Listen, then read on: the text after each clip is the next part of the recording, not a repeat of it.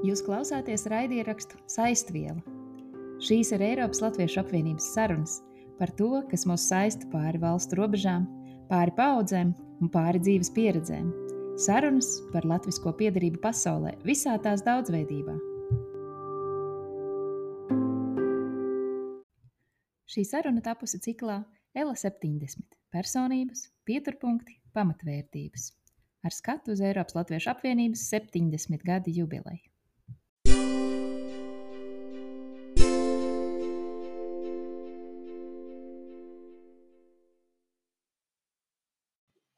Komentētājs Edvards Liničs sarunājas ar Andri Abakuku. Viņš ir Elas priekštecis organizācijas Lakē C sesiju dalībnieks 80. gados un dalās atmiņās arī par savu tēvu, Augustu Vili Abakuku, kurš bija viens no Lakē C dibinātājiem. Es varbūt sākšu ar mazu priekšvēsturi. Tēvs jau bija Latvijā darbojies pašvaldību darbā. Vācu laikā viņš bija apriņas apriņķi priekšnieka vietnieks un pašās beigās varbūt pat priekšnieks. Tad viņš bija tā kā viens no pēdējiem, kas izbēga no abrenes un starp citu sev paņēma līdz trimdā abrenes aizsargu karolu, kas bija tīri interesanti, ko vēlāk varējām atgriezt. Tātad viņš jau bija nodarbojies, lai gan kā, toreiz vēl jauns būdams, toreiz viņam būtu ap 30 gadu vecums, viņš jau bija iesaistījies sabiedriskā darbā. Un arī Vācijā viņš bija nometnēs un tur darbojās nometņu vadībā. Un tad viņš ieceļoja Anglijā 47. gadā. Un kā jau visi tā laika ieceļotāji, viņi ieceļoja, jo Britu valdība vervēja strādniekus no bēgļu nometnēm, jo bija darba spēka trūkums Anglijā pēc kara.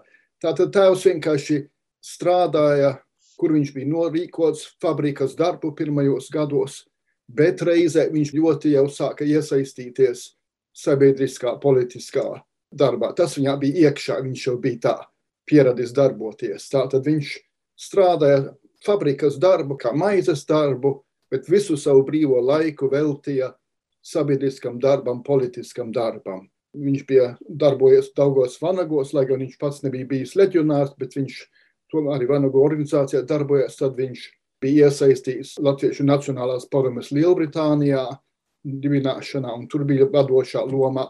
Un tas jau notika 50. gadu. Un tad viņš 52. gadā nodibināja Lakets, Latvijas atjaunošanas komitejas Eiropas centru, kā to toreiz sauca. Es zinu, ka viņš tur bija iesaistīts, un arī tur viņam bija vadoša loma, lai gan tur bija daudz citi, kas bija daudz lielāku pieredzi un stāžu politiskā darbā, bet viņš bija iesaistīts. Es tur pārāk sīkumos nezinu, jo es biju tajā laikā mazs bērns. Tēvs ieceļoja 47. gadā, es piedzimu 49. gadā šeit Anglijā. Tātad, tad, kad viss tas notika, es biju bērns. 52. gadā man bija trīs gadi. Bet man ļoti patīk, ka, ka tēva vecajās dienas grāmatās var redzēt, kur viņš atzīmējis, kādas sēdes viņam visādas ir. Starp sēdēm ir arī piezīmē, ka viņam tādā un tādā datumā dēls ir piedzimis. Tad es arī esmu protokolējis, ka es esmu bijis ap to laiku piedzimis. Es jūs lūgtu mazliet pastāstīt par jūsu dzīvi Anglijā. Kādu jūs to atceraties šai savā bērnības desmitgadē? lai mūsu klausītājiem arī dotu vairāk priekšstatu par to, ko tas nozīmēja. Strādājot maizes darbu rūpnīcā un dzīvojot, es domāju, diezgan pieticīgu sadzīvi, tomēr veltīt savu laiku šim sabiedriski politiskajam darbam. Bieži vien paliek tāds iespējas, ka tie trimdnieki bija tādi bagāti cilvēki, viņiem jau bija viegla dzīve. Katrā ziņā no sākuma tas noteikti tā nebija, un arī nevēlāk mūsu ģimenes dzīve bija tāda, ka mēs bijām trīs. Es biju vienīgais bērns vecākiem, un kā tas tajos laikos notika, sievietes, kurām bija bērni, parasti negāja strādāt. Viņas dzīvoja mājās un rūpējās par ģimeni un par bērniem. Tātad mēs patiešām dzīvojam materiāli diezgan pieticīgi, jo tēvs bija vienīgais pelnītājs un sākumā strādāja fabrikā. Lai gan viņš pēc izglītības bija jurists un bija politisks darbinieks Latvijā, bijis bet viņam bija jāsādā tās maizes darbs. Pašos pirmajos gados viņš laikam ir strādājis tekstīla industrijā. Un tas vēl bija Ziemeļanglijā tajā laikā, kaut kur Anglijas vidienē. Tā bija kokvilnas industrija, kurā viņš darbojās. Un vēlāk viņš kaut kādās mašīnas montēja fabrikā, ko angliski saucam par inženieru darbu, bet nu, ne jau tāda profesionāla smalka inženieru darbs, tāds vienkārši strādnieka darbs. Mazliet vēlāk, pēc dažiem gadiem, viņš dabūja arī darbu birojā, ierēģiņa darbu, bet arī tas jau nebija nekāds izcils darbs, bet tāds ļoti vienkārši administratīvs darbs. Un viņš bija tik kā varētu teikt, apsēsts ar savu nacionālo politisko darbu, ka viņš veltīja pamatā visu savu brīvo laiku, visas savas domas, visa viņa enerģija bija veltīta šim latviskajam politiskajam darbam. Es jau neizjūtu to kā ļoti lielu smagu, bet tāda bija dzīve, jo ne, es jau biju viens vienīgais bērns un man nebija nekādi grūtumi vienkārši, bet kad es tagad uz to skatos atpakaļ, mums nekad nebija ģimenes atvaļinājumi, piemēram, kaut kur jo tēvs visu savu brīvo laiku veltīja braukājot uz dažādām sēdēm. Piemēram, ja runā par lakets, ik pa reizē, es nezinu, vai tas bija reizi gadā, varbūt biežāk, viņš brauca kaut kur uz sēdi kādā citā Eiropas zemē, kaut kur viņam samaksāja izdevumus, lai viņš varētu vispār aizbraukt, bet viņš izmantoja visu savu brīvo laiku tādām lietām. Nebija jau tā, ka viņš nemaz nenodarbojās ar mani, bet būtībā tas jau bija lielā mērā mātes rokās, kamēr tēvs darbojas ar šo politiku. Tātad manu vecāku paudzei daudziem, ne jau tikai manam tēvam, bet daudziem citiem, nebija viegli materiāli apstākļi. Lai gan mēs varējām tomēr kaut kā iegādāties pašiem savu mājiņu, bija mājiņa iepirkta, bet uh, mēs dzīvojam ļoti vienkārši. Tas ir tāpat kā šajos laikos, iebraucot Anglijā latviešiem. Pirmajai paudzei ļoti grūti iedzīvoties, jāstrādā, kādus nu darbus var dabūt visumā. Bet bērniem ir pavisam cita lieta. Man bija visas izglītības iespējas, man bija gaiša galva, varēju dabūt visādas stipendijas, iet skolās, iet labās skolās, iet uz labu universitāti, turpināt studijas, dabūt doktora grādu, un viss tas bija pamatā pa brīvu. Mana pamatizglītība, es biju matemātiķis, statistiķis, es studēju matemātiku Kembridžas universitātē, un pēc tam es gāju uz citu universitāti, dabūt doktora grādu, un tad visu savu darba mūžu es nostrādāju Londonas Universitātes koledžā par statistikas pasniedzēju.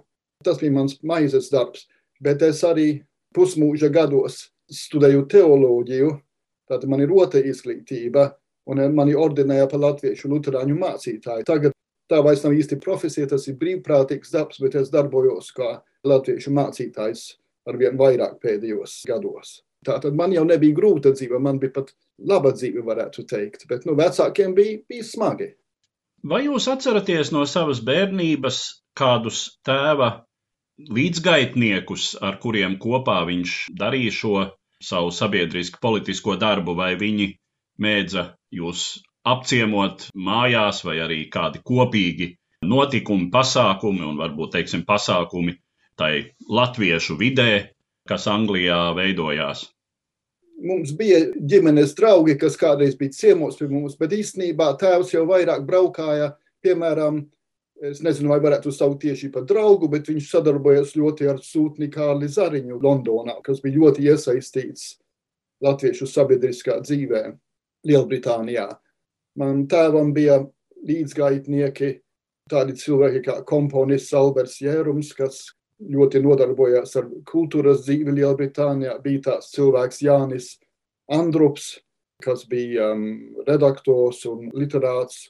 Un starp citu man pašam vēlāk, ka Jāni Andrupu, lai gan viņš bija pavisam cita pauze nekā es, man bija ļoti skaista sadarbība un arī no viņa es daudz ko mācījos. Man bija krustēvs Leopolds Rumba, kas bija ļoti aktīvs Daugos Vanaga organizācijā. Un starp citu, Leopolds Rumba bija zobārsts. Es to minu pat tāpēc, ka būt zobārstam bija ļoti privileģēta lieta Lielbritānijā, jo trūka zobārstu, un tie bija cilvēki, kas varēja strādāt savā profesijā. Leopolds Rumba bija tuvs draugs manam tēvam un arī man krustēvs, tātad viņu es labi atceros. Es atceros kādreiz, kā pie mums ciemos nāca Pēteris Aigars, viņš bija latviešu dzēnieks, kas dzīvoja Lielbritānijā un arī darbojās kā redaktors mūsu laikrakstos. Tie ir tie vārdi, kas man pirmie nāk prātā, bet bija arī citi. Bet nu, jūs dzīvojāt ne tādā latviešu kolonijā, jūs dzīvojāt tomēr eh, diezgan izolēti no pārējās latviešu sabiedrības. Tas ir tiesa. Latvieši nepārāk daudz tā dzīvoja, kā teiktu, latviešu geto, kā saka. Nē, mēs dzīvojam atsevišķi. Īpaši tas bija tādā lielpilsētā kā Londonā. Miljoniem un miljoniem cilvēku ir vienkārši. Latvieši nemēdza īpaši daudz tuvu viens otram. Varbūt kādreiz tādas mazas grupiņas bija. Tas ir tiesa, ka mēs dzīvojam izolēti tādā ziņā. Mūsu sabiedriskā dzīve latviešu kopība centrējās ap Daugos Vanagu namu Londonā, kas jau tika iepirkts man šķiet, 53. gadā, ja nemaldos. Tad kopš tā laika daudzi pasākumi notika tur, un vēl joprojām tur notiek latviešu pasākumi. Tātad tas bija tas latviešu centrs, kur viss, kas notika. Un mēs ne tik daudz mājās, kā tādā vietā tikāmies. Starp citu, es varētu ieminēties, ka viena no agrākām atmiņām no manas bērnības ir, ka tēvs, kad viņš brauca, es domāju, viņš katru sestdienu vai svētdienu brauca uz Vanagu namu Londonā, lai tur kaut kādas sabiedriskas lietas kārtot. Un viņš man ņēma līdzi uz Londonas Latviešu skolu, kas vēl joprojām pastāv. Droši vien kādu trīs vai četru gadu vecumu es sāku iet Londonas Latviešu skolā, un es iemācījos rakstīt un lasīt.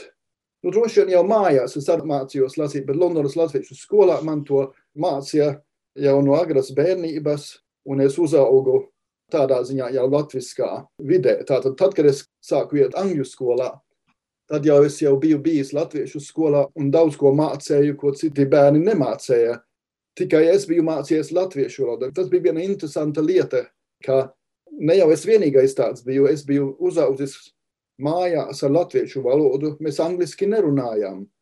Es sāku iet skolā, nerunājot angļu valodu, bet mazi bērni jau var ļoti ātri apgūt citas valodas. Tātad pēc kāda gada jau es biju priekšzīmīgs uh, skolēns, bet mana izglītība sākās Londonas Latviešu skolu. Tātad tā bija viena tā kā sabiedrība, ka jūs prasījāt, kādi sabiedriski notikumi bija vienkārši bija Londonas Latviešu skola, kas vēl joprojām ir nozīmīga arī mūsdienu iebraucējiem.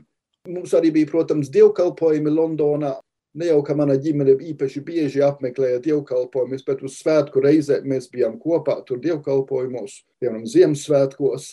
Citi sarīkojumi bija, muzikālā dzīve bija spēcīga, bija koncerti, kur dažādās īrētās zālēs notika, tika svinēti bez šaubām valsts svētki. Es pieņemu, ka to sūtniecība, kā toreiz sauca nevēstniecība, organizēja.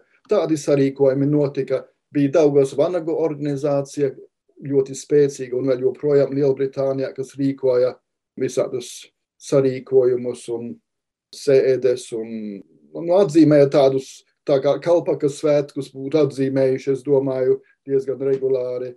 Tad es domāju, tā sadraudzība, tā tikšanās, vismaz manam tēvam bija visādās sēdēs un sapulcēs un organizāciju svētkos.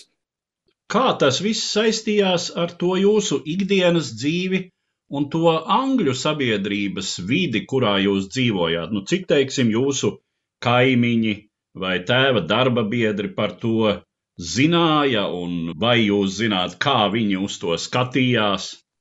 Maniem vecākiem nebija draugu īsti no vietējiem angļu iedzīvotājiem. Mēs pazinām kaimiņus un bija civilizētas attiecības ar kaimiņiem, un varbūt īpaši manai mammai, kas visu laiku dzīvoja mājā. Bija tādas draudzības ar kaimiņiem un arī ar citu bērnu vecākiem, kad es gāju pamatskolā. Bet nebija tādas tos draudzības ar angļu sabiedrību. Visi mūsu ģimenes draugi pamatā bija latvieši, arī ja viņi nedzīvoja mums tuvumā. Tā bija tā sabiedrības īpatnība, ka mēs dzīvojam it kā izolēti no citiem latviešiem, jo tie nebija tuvumā, bet nebija arī draugi starp vietējiem angļiem īpaši.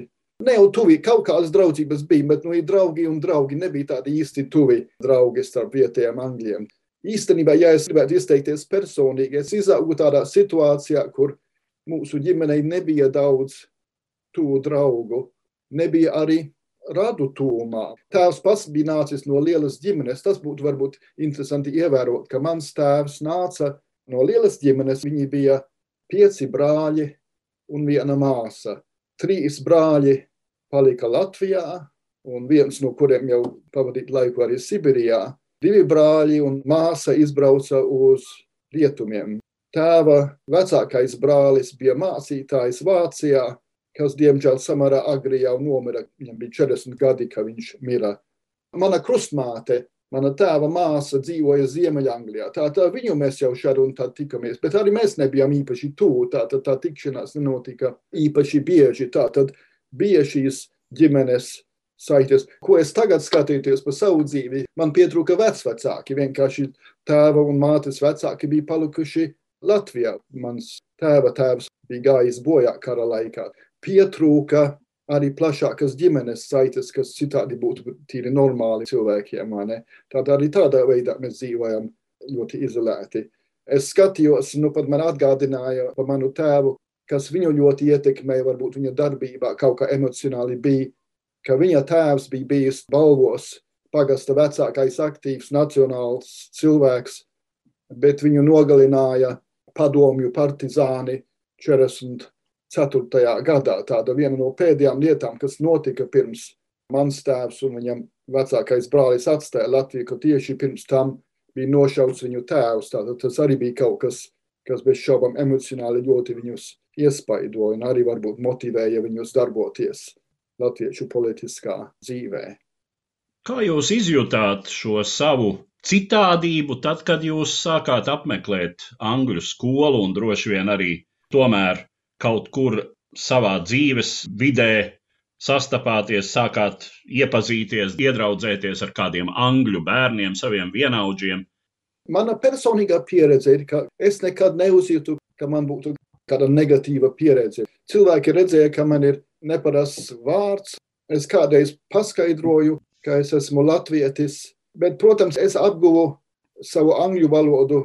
Labi, man bija varbūt 5, 6 gadi, kad es iemācījos angliski runāt. Es iemācījos angļu valodu no saviem skolotājiem angļu skolā. Es runāju kā anglis, es izskatījos kā anglis. Tad es nekad nejūtu, kā varētu teikt, kaut kādu diskrimināciju. Tātad man nekad nav bijusi tāda, ne manās skolas gaitās, ne vēlāk, kad es strādāju universitātē. Es nekad neizjūtu kaut ko nepatīkamu, ka es esmu citādāks. Es jau šādu un tādu īpaši vēlāk dzīvē ļoti uzsveru, ka es esmu latvietis. Es biju lepns par to. Cilvēki to pieņēma, bet tā ir tā lieta, ka es varu izlikties, ka es esmu anglis pēc savām manierēm, pēc savas valodas. Man ir tā privilēģija, ka es starp latviešiem varu justies kā latvietis un starp angļiem kā anglis. Lai gan man patīk arī vienmēr stāstīt, ka esmu latviecis, ka vien man izdevība ir par to stāstīt. Bet citiem, es domāju, ir bijusi citāda pieredze. Daži cilvēki, es domāju, bērni ir izjutuši kaut ko nepatīkamu, ka viņus apceļ vai kaut ko nepatīkamā veidā par to, ka viņi ir citādāki. Bet man tas nekad nav bijis. Cik lielā mērā jūsu tēvs jūs ievirzīja, lai jūs arī darbotos šais latviešu sabiedriskajās aktivitātēs, un cik tas jums bija svarīgi? Tas bez šaubām ir mana tēva nopelns, un varbūt arī dažu citu latviešu cilvēku, kuru vārdus es jau minēju, kā Jānis Andrums, kas patiešām mani mudināja, lai es darbotos latviešu sabiedriskā dzīvē, un īpaši latviešu nacionālā padomē Lielbritānijā. Man jāsaka, ka pēc sava rakstura un dabas es nemaz nebiju kā savs tēvs, kurš patiešām bija aktīvs sabiedrībā, motivēja cilvēkus, lai viņi darbotos, lai viņi sadarboties visi viens ar otru un lai izlīdzinātu pretešķības.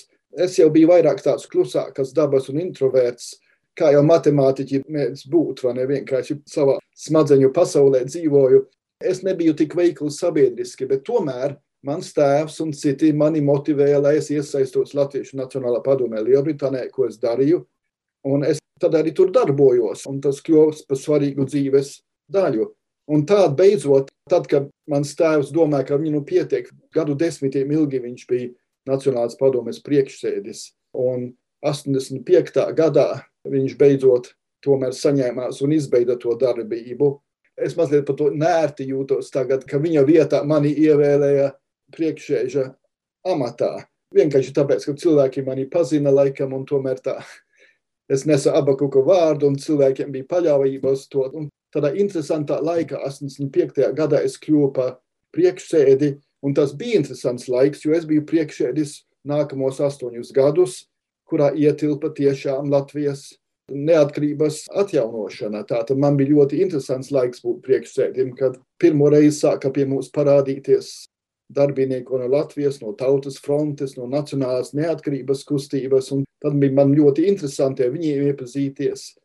Tas bija laiks, kad mani aicināja uz visām radio intervijām, uz televīzijas intervijām, Lielbritānijas mēdīji. Un man jau bija tā priekšrocība, ka es varēju vienkārši skaidri un gaiši runāt angliski. Kad mēs runājām par maniem vecākiem, par manu tēvu, viena lieta, kas traucēja viņu darbību, ka viņi visumā nepārāk labi pārvaldīja angļu valodu. Cik nu bija vajadzīgs darbā, lai strādātu, piemēram, fabrikas darbu, tev nevajadzēja lielas angļu valodas zināšanas. Tātad. Un daži cilvēki, tā kā Jānis Andrups, kas visu savu dzīvi veltīja latviešu lietai, nemaz negrozījās angļu sabiedrībā. Tātad bija tie interesantie fakti, ka ļoti inteliģenti cilvēki, apdāvināti cilvēki nekad kārtīgi neapguva angļu valodu. Bet tā atšķirība bija, ka man un manai paudzei, varētu teikt, ir perfekta angļu valoda, kā dzimtā valoda efektīvi. Tātad man bija daudz vieglāk operēt tādā ziņā, ka es varēju vieglāk komunicēt ar britu iestādēm. Es nokalpoju savu periodu līdz 93. gadam kā Nacionālās padomes priekšsēdis, bet visā šajā juku laikā man dzīve tad mainījās. Es beidzot aprecējos ap to laiku un arī atstāju Nacionālās padomes darbu Un tad bija tā lieta, ka es piepildīju savu otro aicinājumu, kas, kas man īstenībā bija sirdslieta, ka es gribēju nodarboties ar teoloģiju un būt varbūt mācītājs. Un tieši tad es izbeidzu tā kā teikt politisko darbību un pārgāju vairāk uz garīgo darbu, ja tā varētu teikt. Tas ir apmēram mans stāsts, ka man to politisko darbību, to nacionālas padomjas darbu, mani tā kā ievirzīja tani, un, un tas bija labi, bet tā nekad nebija man tādā mērā sirdslieta, kā manam tēvam tā bija bijusi. Vēl atgriežoties pie agrākām desmitgadēm, kad parādījās kādi pirmie kontakti ar uh, okupēto Latviju? Īstenībā tādu lāga nebija. Daži cilvēki jau sāka braukt, apciemot um, Latviju kā turisti vienkārši. Tādi cilvēki kā mans tēvs, vai Jānis Andrūks pilnīgi kategoriski atteicās apciemot Latviju, kamēr viņa bija okupēta zeme. Un viņam personīgi tas būtu bijis bez šaubām arī bīstami, jo viņi bija politiski aktīvi. Es nezinu, kā viņiem klātos, ja viņi rādītos Latvijā. Un arī citādi kontakti nebija. Protams, 80. gados, kad sāka jau veidoties tāda manāma pretestība Latvijā, tur jau nāca kaut kādas ziņas no Latvijas. Man personīgi nebija īpaši pieredze par to, un arī, es domāju, arī manam tēvam ne. Vienkārši sakot, mums nekādu kontaktu nebija Latviju, līdz kamēr 80. gadu beigās pirmie neatkarības kustības cilvēki sāka kaut kā atbraukt, un tad mēs viņus varējām uzņemt. Vai tautas frontes pārstāvji. Bet tas tiešām bija tikai uz 80. gadu beigām, kad tas viss sāka notikt. Tātad manī bija ļoti liels pārdzīvojums tas, ka mēs bijām it kā pilnīgi nošķirti no Latvijas līdz apmēram 90. gadam. Un tad pēkšņi viss mainās. Mēs varam brīvi braukt uz Latviju un atpakaļ. Man, starp citu, personīgi bija pirmais brauciens uz Latviju 91. gadā, laikam, kad bija par mani uzzinājuši Latvijas universitātē. Un mani aicināja, lai es viesotos universitāti un lasītu lekcijas fizikas, matemātikas fakultētē par statistiku. Starp citu, interesanti tagad domāt par to, kā tas gadījās nu, tajā laikā es vēl biju aktīvs politiskā darbā arī, un es biju kādā sapulcē kopā, kur bija tautas frontes pārstāvji un nacionālās neatkarības kustības pārstāvji ar mūsu trimdas pārstāvjiem no Pasaules Brīvo Latviešu apvienības.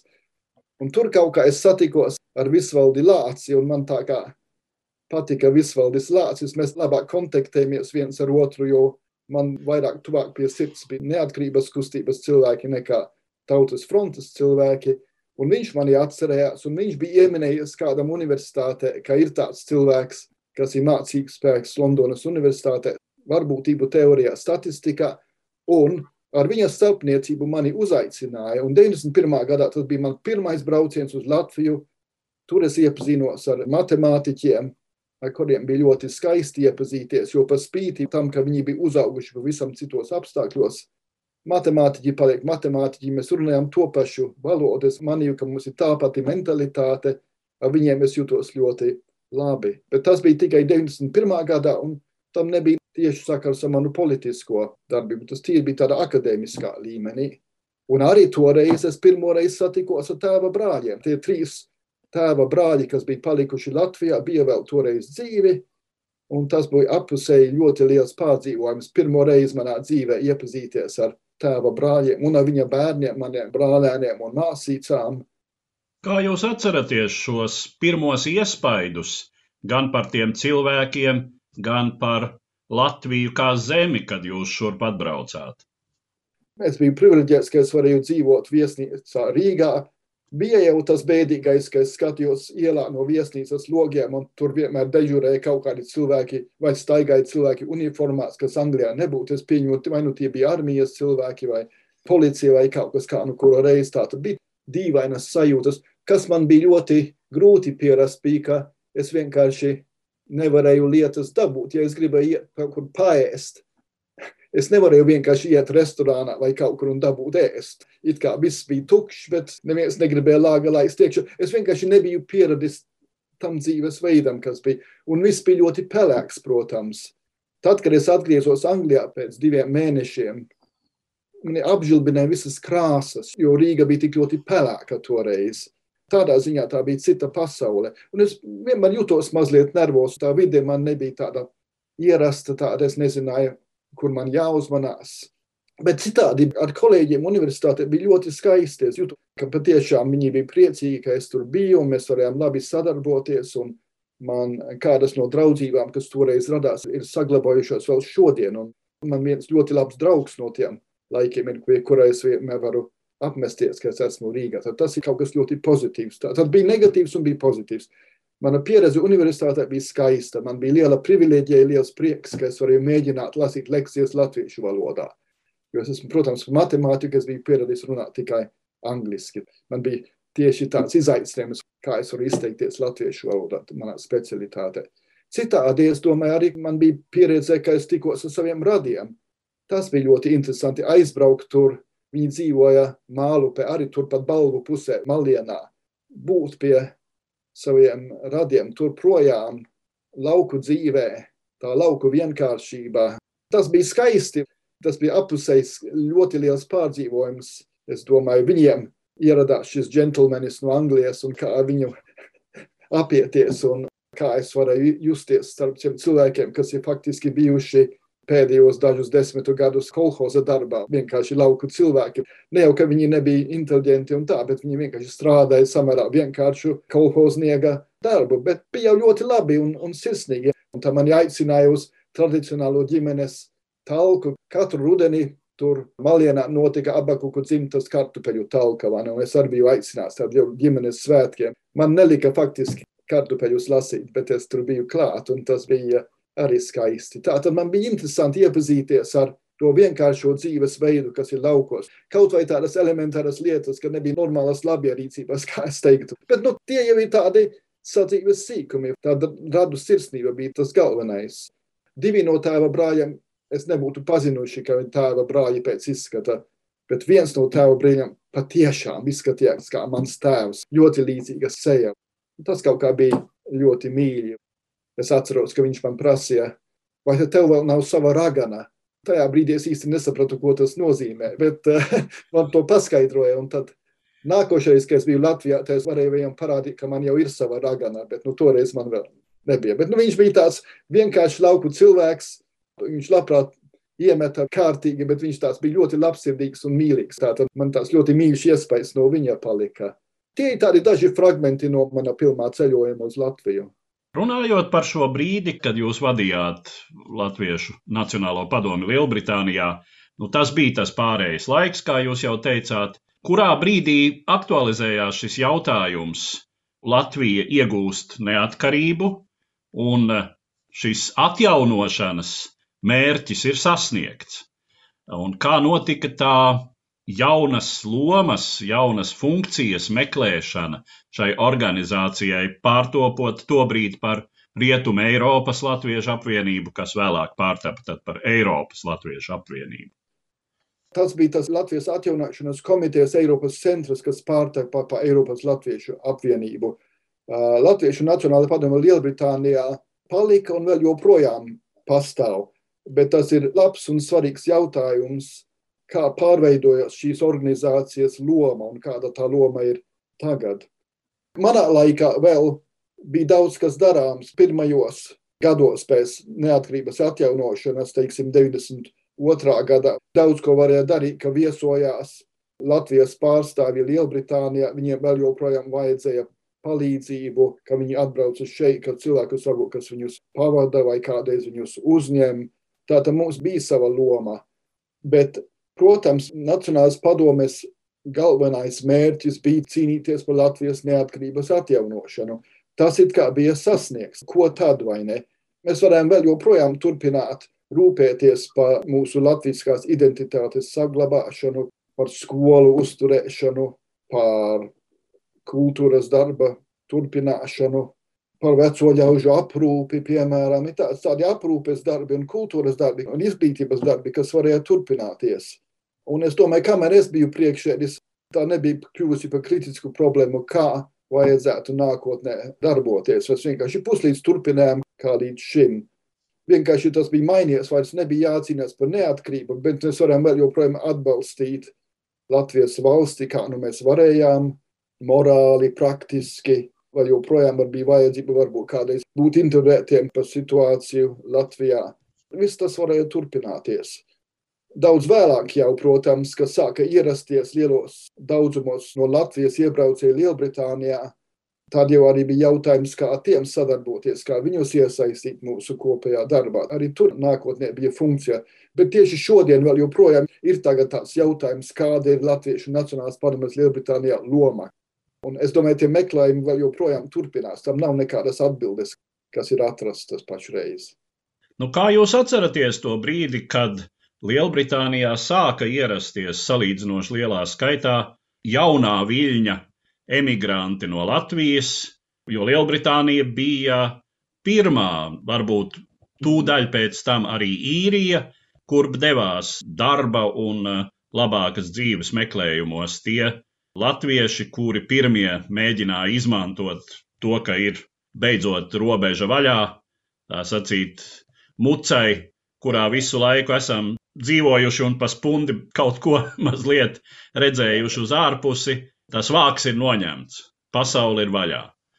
Kā jūs atceraties šos pirmos kontaktus un to, ka, teiksim, latviešu vecā trimda, kā mēs to varam saukt, saprata, ka latviešu sabiedrība mainās, gūst šo jauno impulsu no Latvijas. Pirmā lieta, ko es gribētu teikt, varbūt ir tas, ka ļoti lielā skaitā iebrauca no Latvijas, nenozīmē, ka mēs daudz par viņiem zinājām. Jo lielais vairums iebraucēji vienkārši paši dzīvo savu dzīvi, strādā savu darbu un varbūt sūta naudu atpakaļ uz Latviju, lai atbalstītu savus radus. Un lielais vairums neizrāda nekādu interesi par latviešu sabiedrisko dzīvi. Tātad tas ir viens fakts, ko jāņem vērā. Bet ir citi, kas patiešām vēlas darboties. No sākuma bija varbūt tādi savstarpēji aizspriedumi. Tātad tie vecās trimdas pārstāvji, vismaz viena daļa tā kā skatījās mazliet greizi uz tiem jauniebraucējiem un domāja, nu šie cilvēki tikai brauc uz Angliju, lai pelnītu naudu. Viņi nav tādi trimdinieki, kā mēs bijām, kas bijām politiski bēgļi. Bet tas jau pārgāja, un es domāju, tā situācija jau tagad ir tāda, ka ir viena daļa latviešu iebraucēji, kas patiešām vēlas darboties latviskā vidē. Pa daļai viņi paši darbojās savos veidos, savās grupiņās, neatkarīgi no vecās trimdas organizācijām. Citi, kas patiešām jau ir iesaistījušies vecās trimdas organizācijās, Un tas ir labi, un es domāju, tam ir jānotiek, jo citādi mūsu organizācijām nav nekādas nākotnes. Piemēram, uz mūsu draugiem, uz baznīcu sāka nākt jauniebraucēji. Es viņus saucu par jauniebraucējiem, kas varbūt ir nepareizi, bet manā uztverē viņi ir jauniebraucēji, arī jau viņi ir bijuši šajā zemē tagad jau 20 gadu. Es domāju, tie, kas pēc neatkarības atjaunošanas iebraucēji. Tagad, piemēram, mūsu draudzē Londonā un arī citās draudzēs lielais vairums trījus locekļu tagad ir no jauniebraucējiem. Ir bieži vien ļoti grūti dabūt, lai viņi aktīvi piedalās organizācijas darbā, vadītāju lomās, bet mēs mēģinām viņus ar vien vairāk iesaistīt. Es pieminēju baznīcu kā vienu piemēru, bet faktiski tas attiecās uz citām organizācijām arī, ka ir ļoti grūti atrast no šiem pēdējos gados iebraucējiem cilvēkus, kas būtu mieru darboties kopā un uzņemties vadošas lomas. Tas pakāpeniski mainās, un tas jau nav tā, ka nemaz nav tādu, bet no visiem tiem desmitiem tūkstošiem, es domāju, pāri pa simts tūkstošiem, kas ir iebraukuši, tikai ļoti maza proporcija tie, ar kuriem mums ir kaut kādas darīšanas, kas pievienojās mūsu organizācijās un kas ar mums kopā darbojas. Viens izņēmums, kur patiešām lietas notiek, ir skolas. Tie, kas vēlas savus bērnus sūtīt uz latviešu skolām, lai viņiem vispār kaut kādas elementāras zināšanas par latviešu lietām ir, tie paši veido savas skolas vai pievienojas jau esošajām. Tā tad tā izglītības nozares skolu darbs ir svarīga lieta, kas patiešām joprojām darbojas un kur ir iesaistīti pēdējos gados iebraukušie. Bet nu, tā skumjā lieta ir, ka liela daļa no tiem, kas iebraukuši, manuprāt, latviešu tautai iet zudumā vai potenciāli iet zudumā, jo daudzos gadījumos bērni uzaug vairs latviski nerunājot. Tas jau nav vienmēr tā, bet daudzos gadījumos tas tā ir. Tātad tas tā kā ir skumji, ka nākamās paudzes lielos skaitļos pazūd latviešu tautai, ja tie bērni efektīvi pārtautojas. Jūs jau faktiski par to runājāt, bet jūsu ģimenes pieredzē, kas bija tie faktori, kas jums ļāva saglabāt savā laikā latviskumu? Nu, pirmkārt, jau vienkārši tas bija tas, ka mūsu sarunu valoda mājā bija latviešu valoda. Un mani vecāki pie tā tīri dabīgi pieturējās. Tā, tā bija mana pirmā valoda, mana mājas valoda.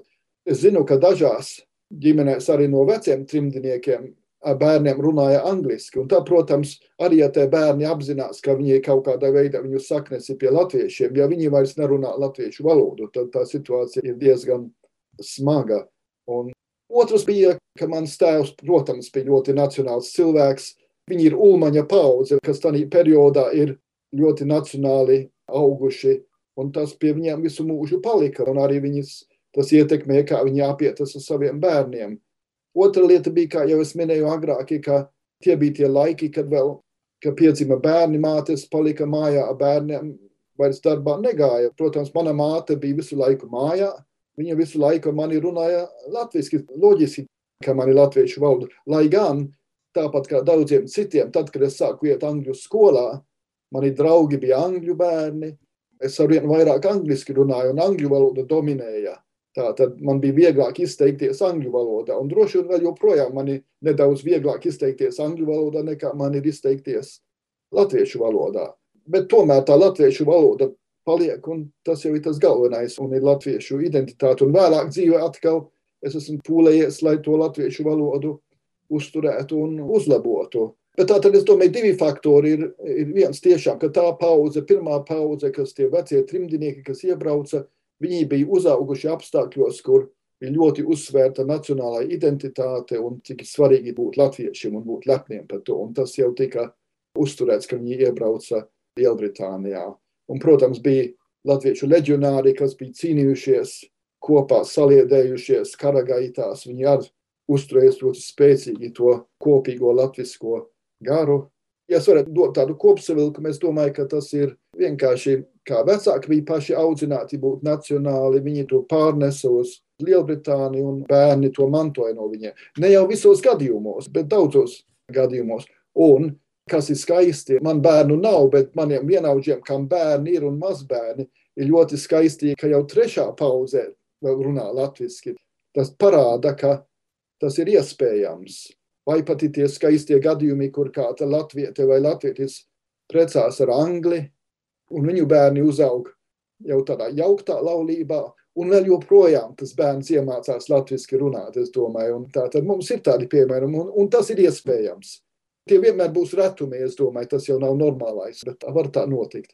Metot tiltu uz šodienu un uz uh, arī nākotni un uh, rezumējot mūsu sarunu, kā jūs redzat tālāko latviešu sabiedrības attīstību un arī šīs latviešu sabiedriskās dzīves perspektīvu Anglijā un Lielbritānijā kopumā? Es domāju, ka vēl joprojām viens svarīgs faktors būs latviešu skolas, kur vecāki vēlas, lai viņu bērni kaut kā uztur savu latviešu valodu. Ja ir skolas, tad, kur bērniem, tad tie vecāki arī tur iet uz skolām, viņi ir kopā, viņi sadraudzējās, veidojās tādas vietējās sabiedrības.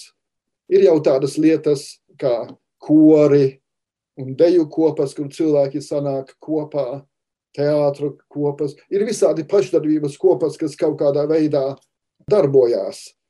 Es neesmu drošs par to, cik labi saglabāsies tādas jumta organizācijas. Var jau tagad saredzēt problēmas, ka nav viegli atrast darbiniekus, un varbūt, kā jau mēs agrāk runājām, nav viegli atrast varbūt to, kas ir šīs organizācijas galvenais mērķis. Bet tiešām tādā izglītības un kultūras darbā tas ir pilnīgi iespējams. Un, protams, kas ir ļoti lielā atšķirība tagad ir, ka salīdzinot ar tiem laikiem, kad es uzaugu, mēs varējām uzturēt savu latviskumu par spīti tam, ka mēs bijām pilnīgi, pilnīgi nošķirti no Latvijas dzīves.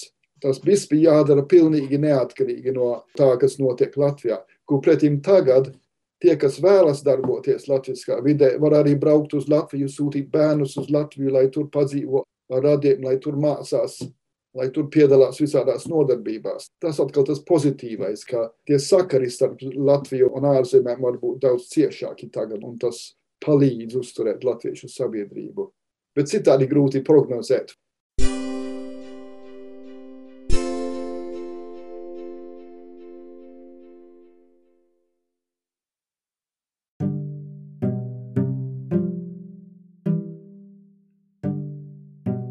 Šī saruna tapusi ciklā ELA 70 - personības, pieturpunkti, pamatvērtības ar skatu uz Eiropas Latviešu apvienības 70 gadu jubileju. Materiāls ir sagatavots ar Sabiedrības integrācijas fonda finansiālu atbalstu no Latvijas valsts budžeta līdzekļiem. Par materiālu saturu atbild Eiropas Latviešu apvienība.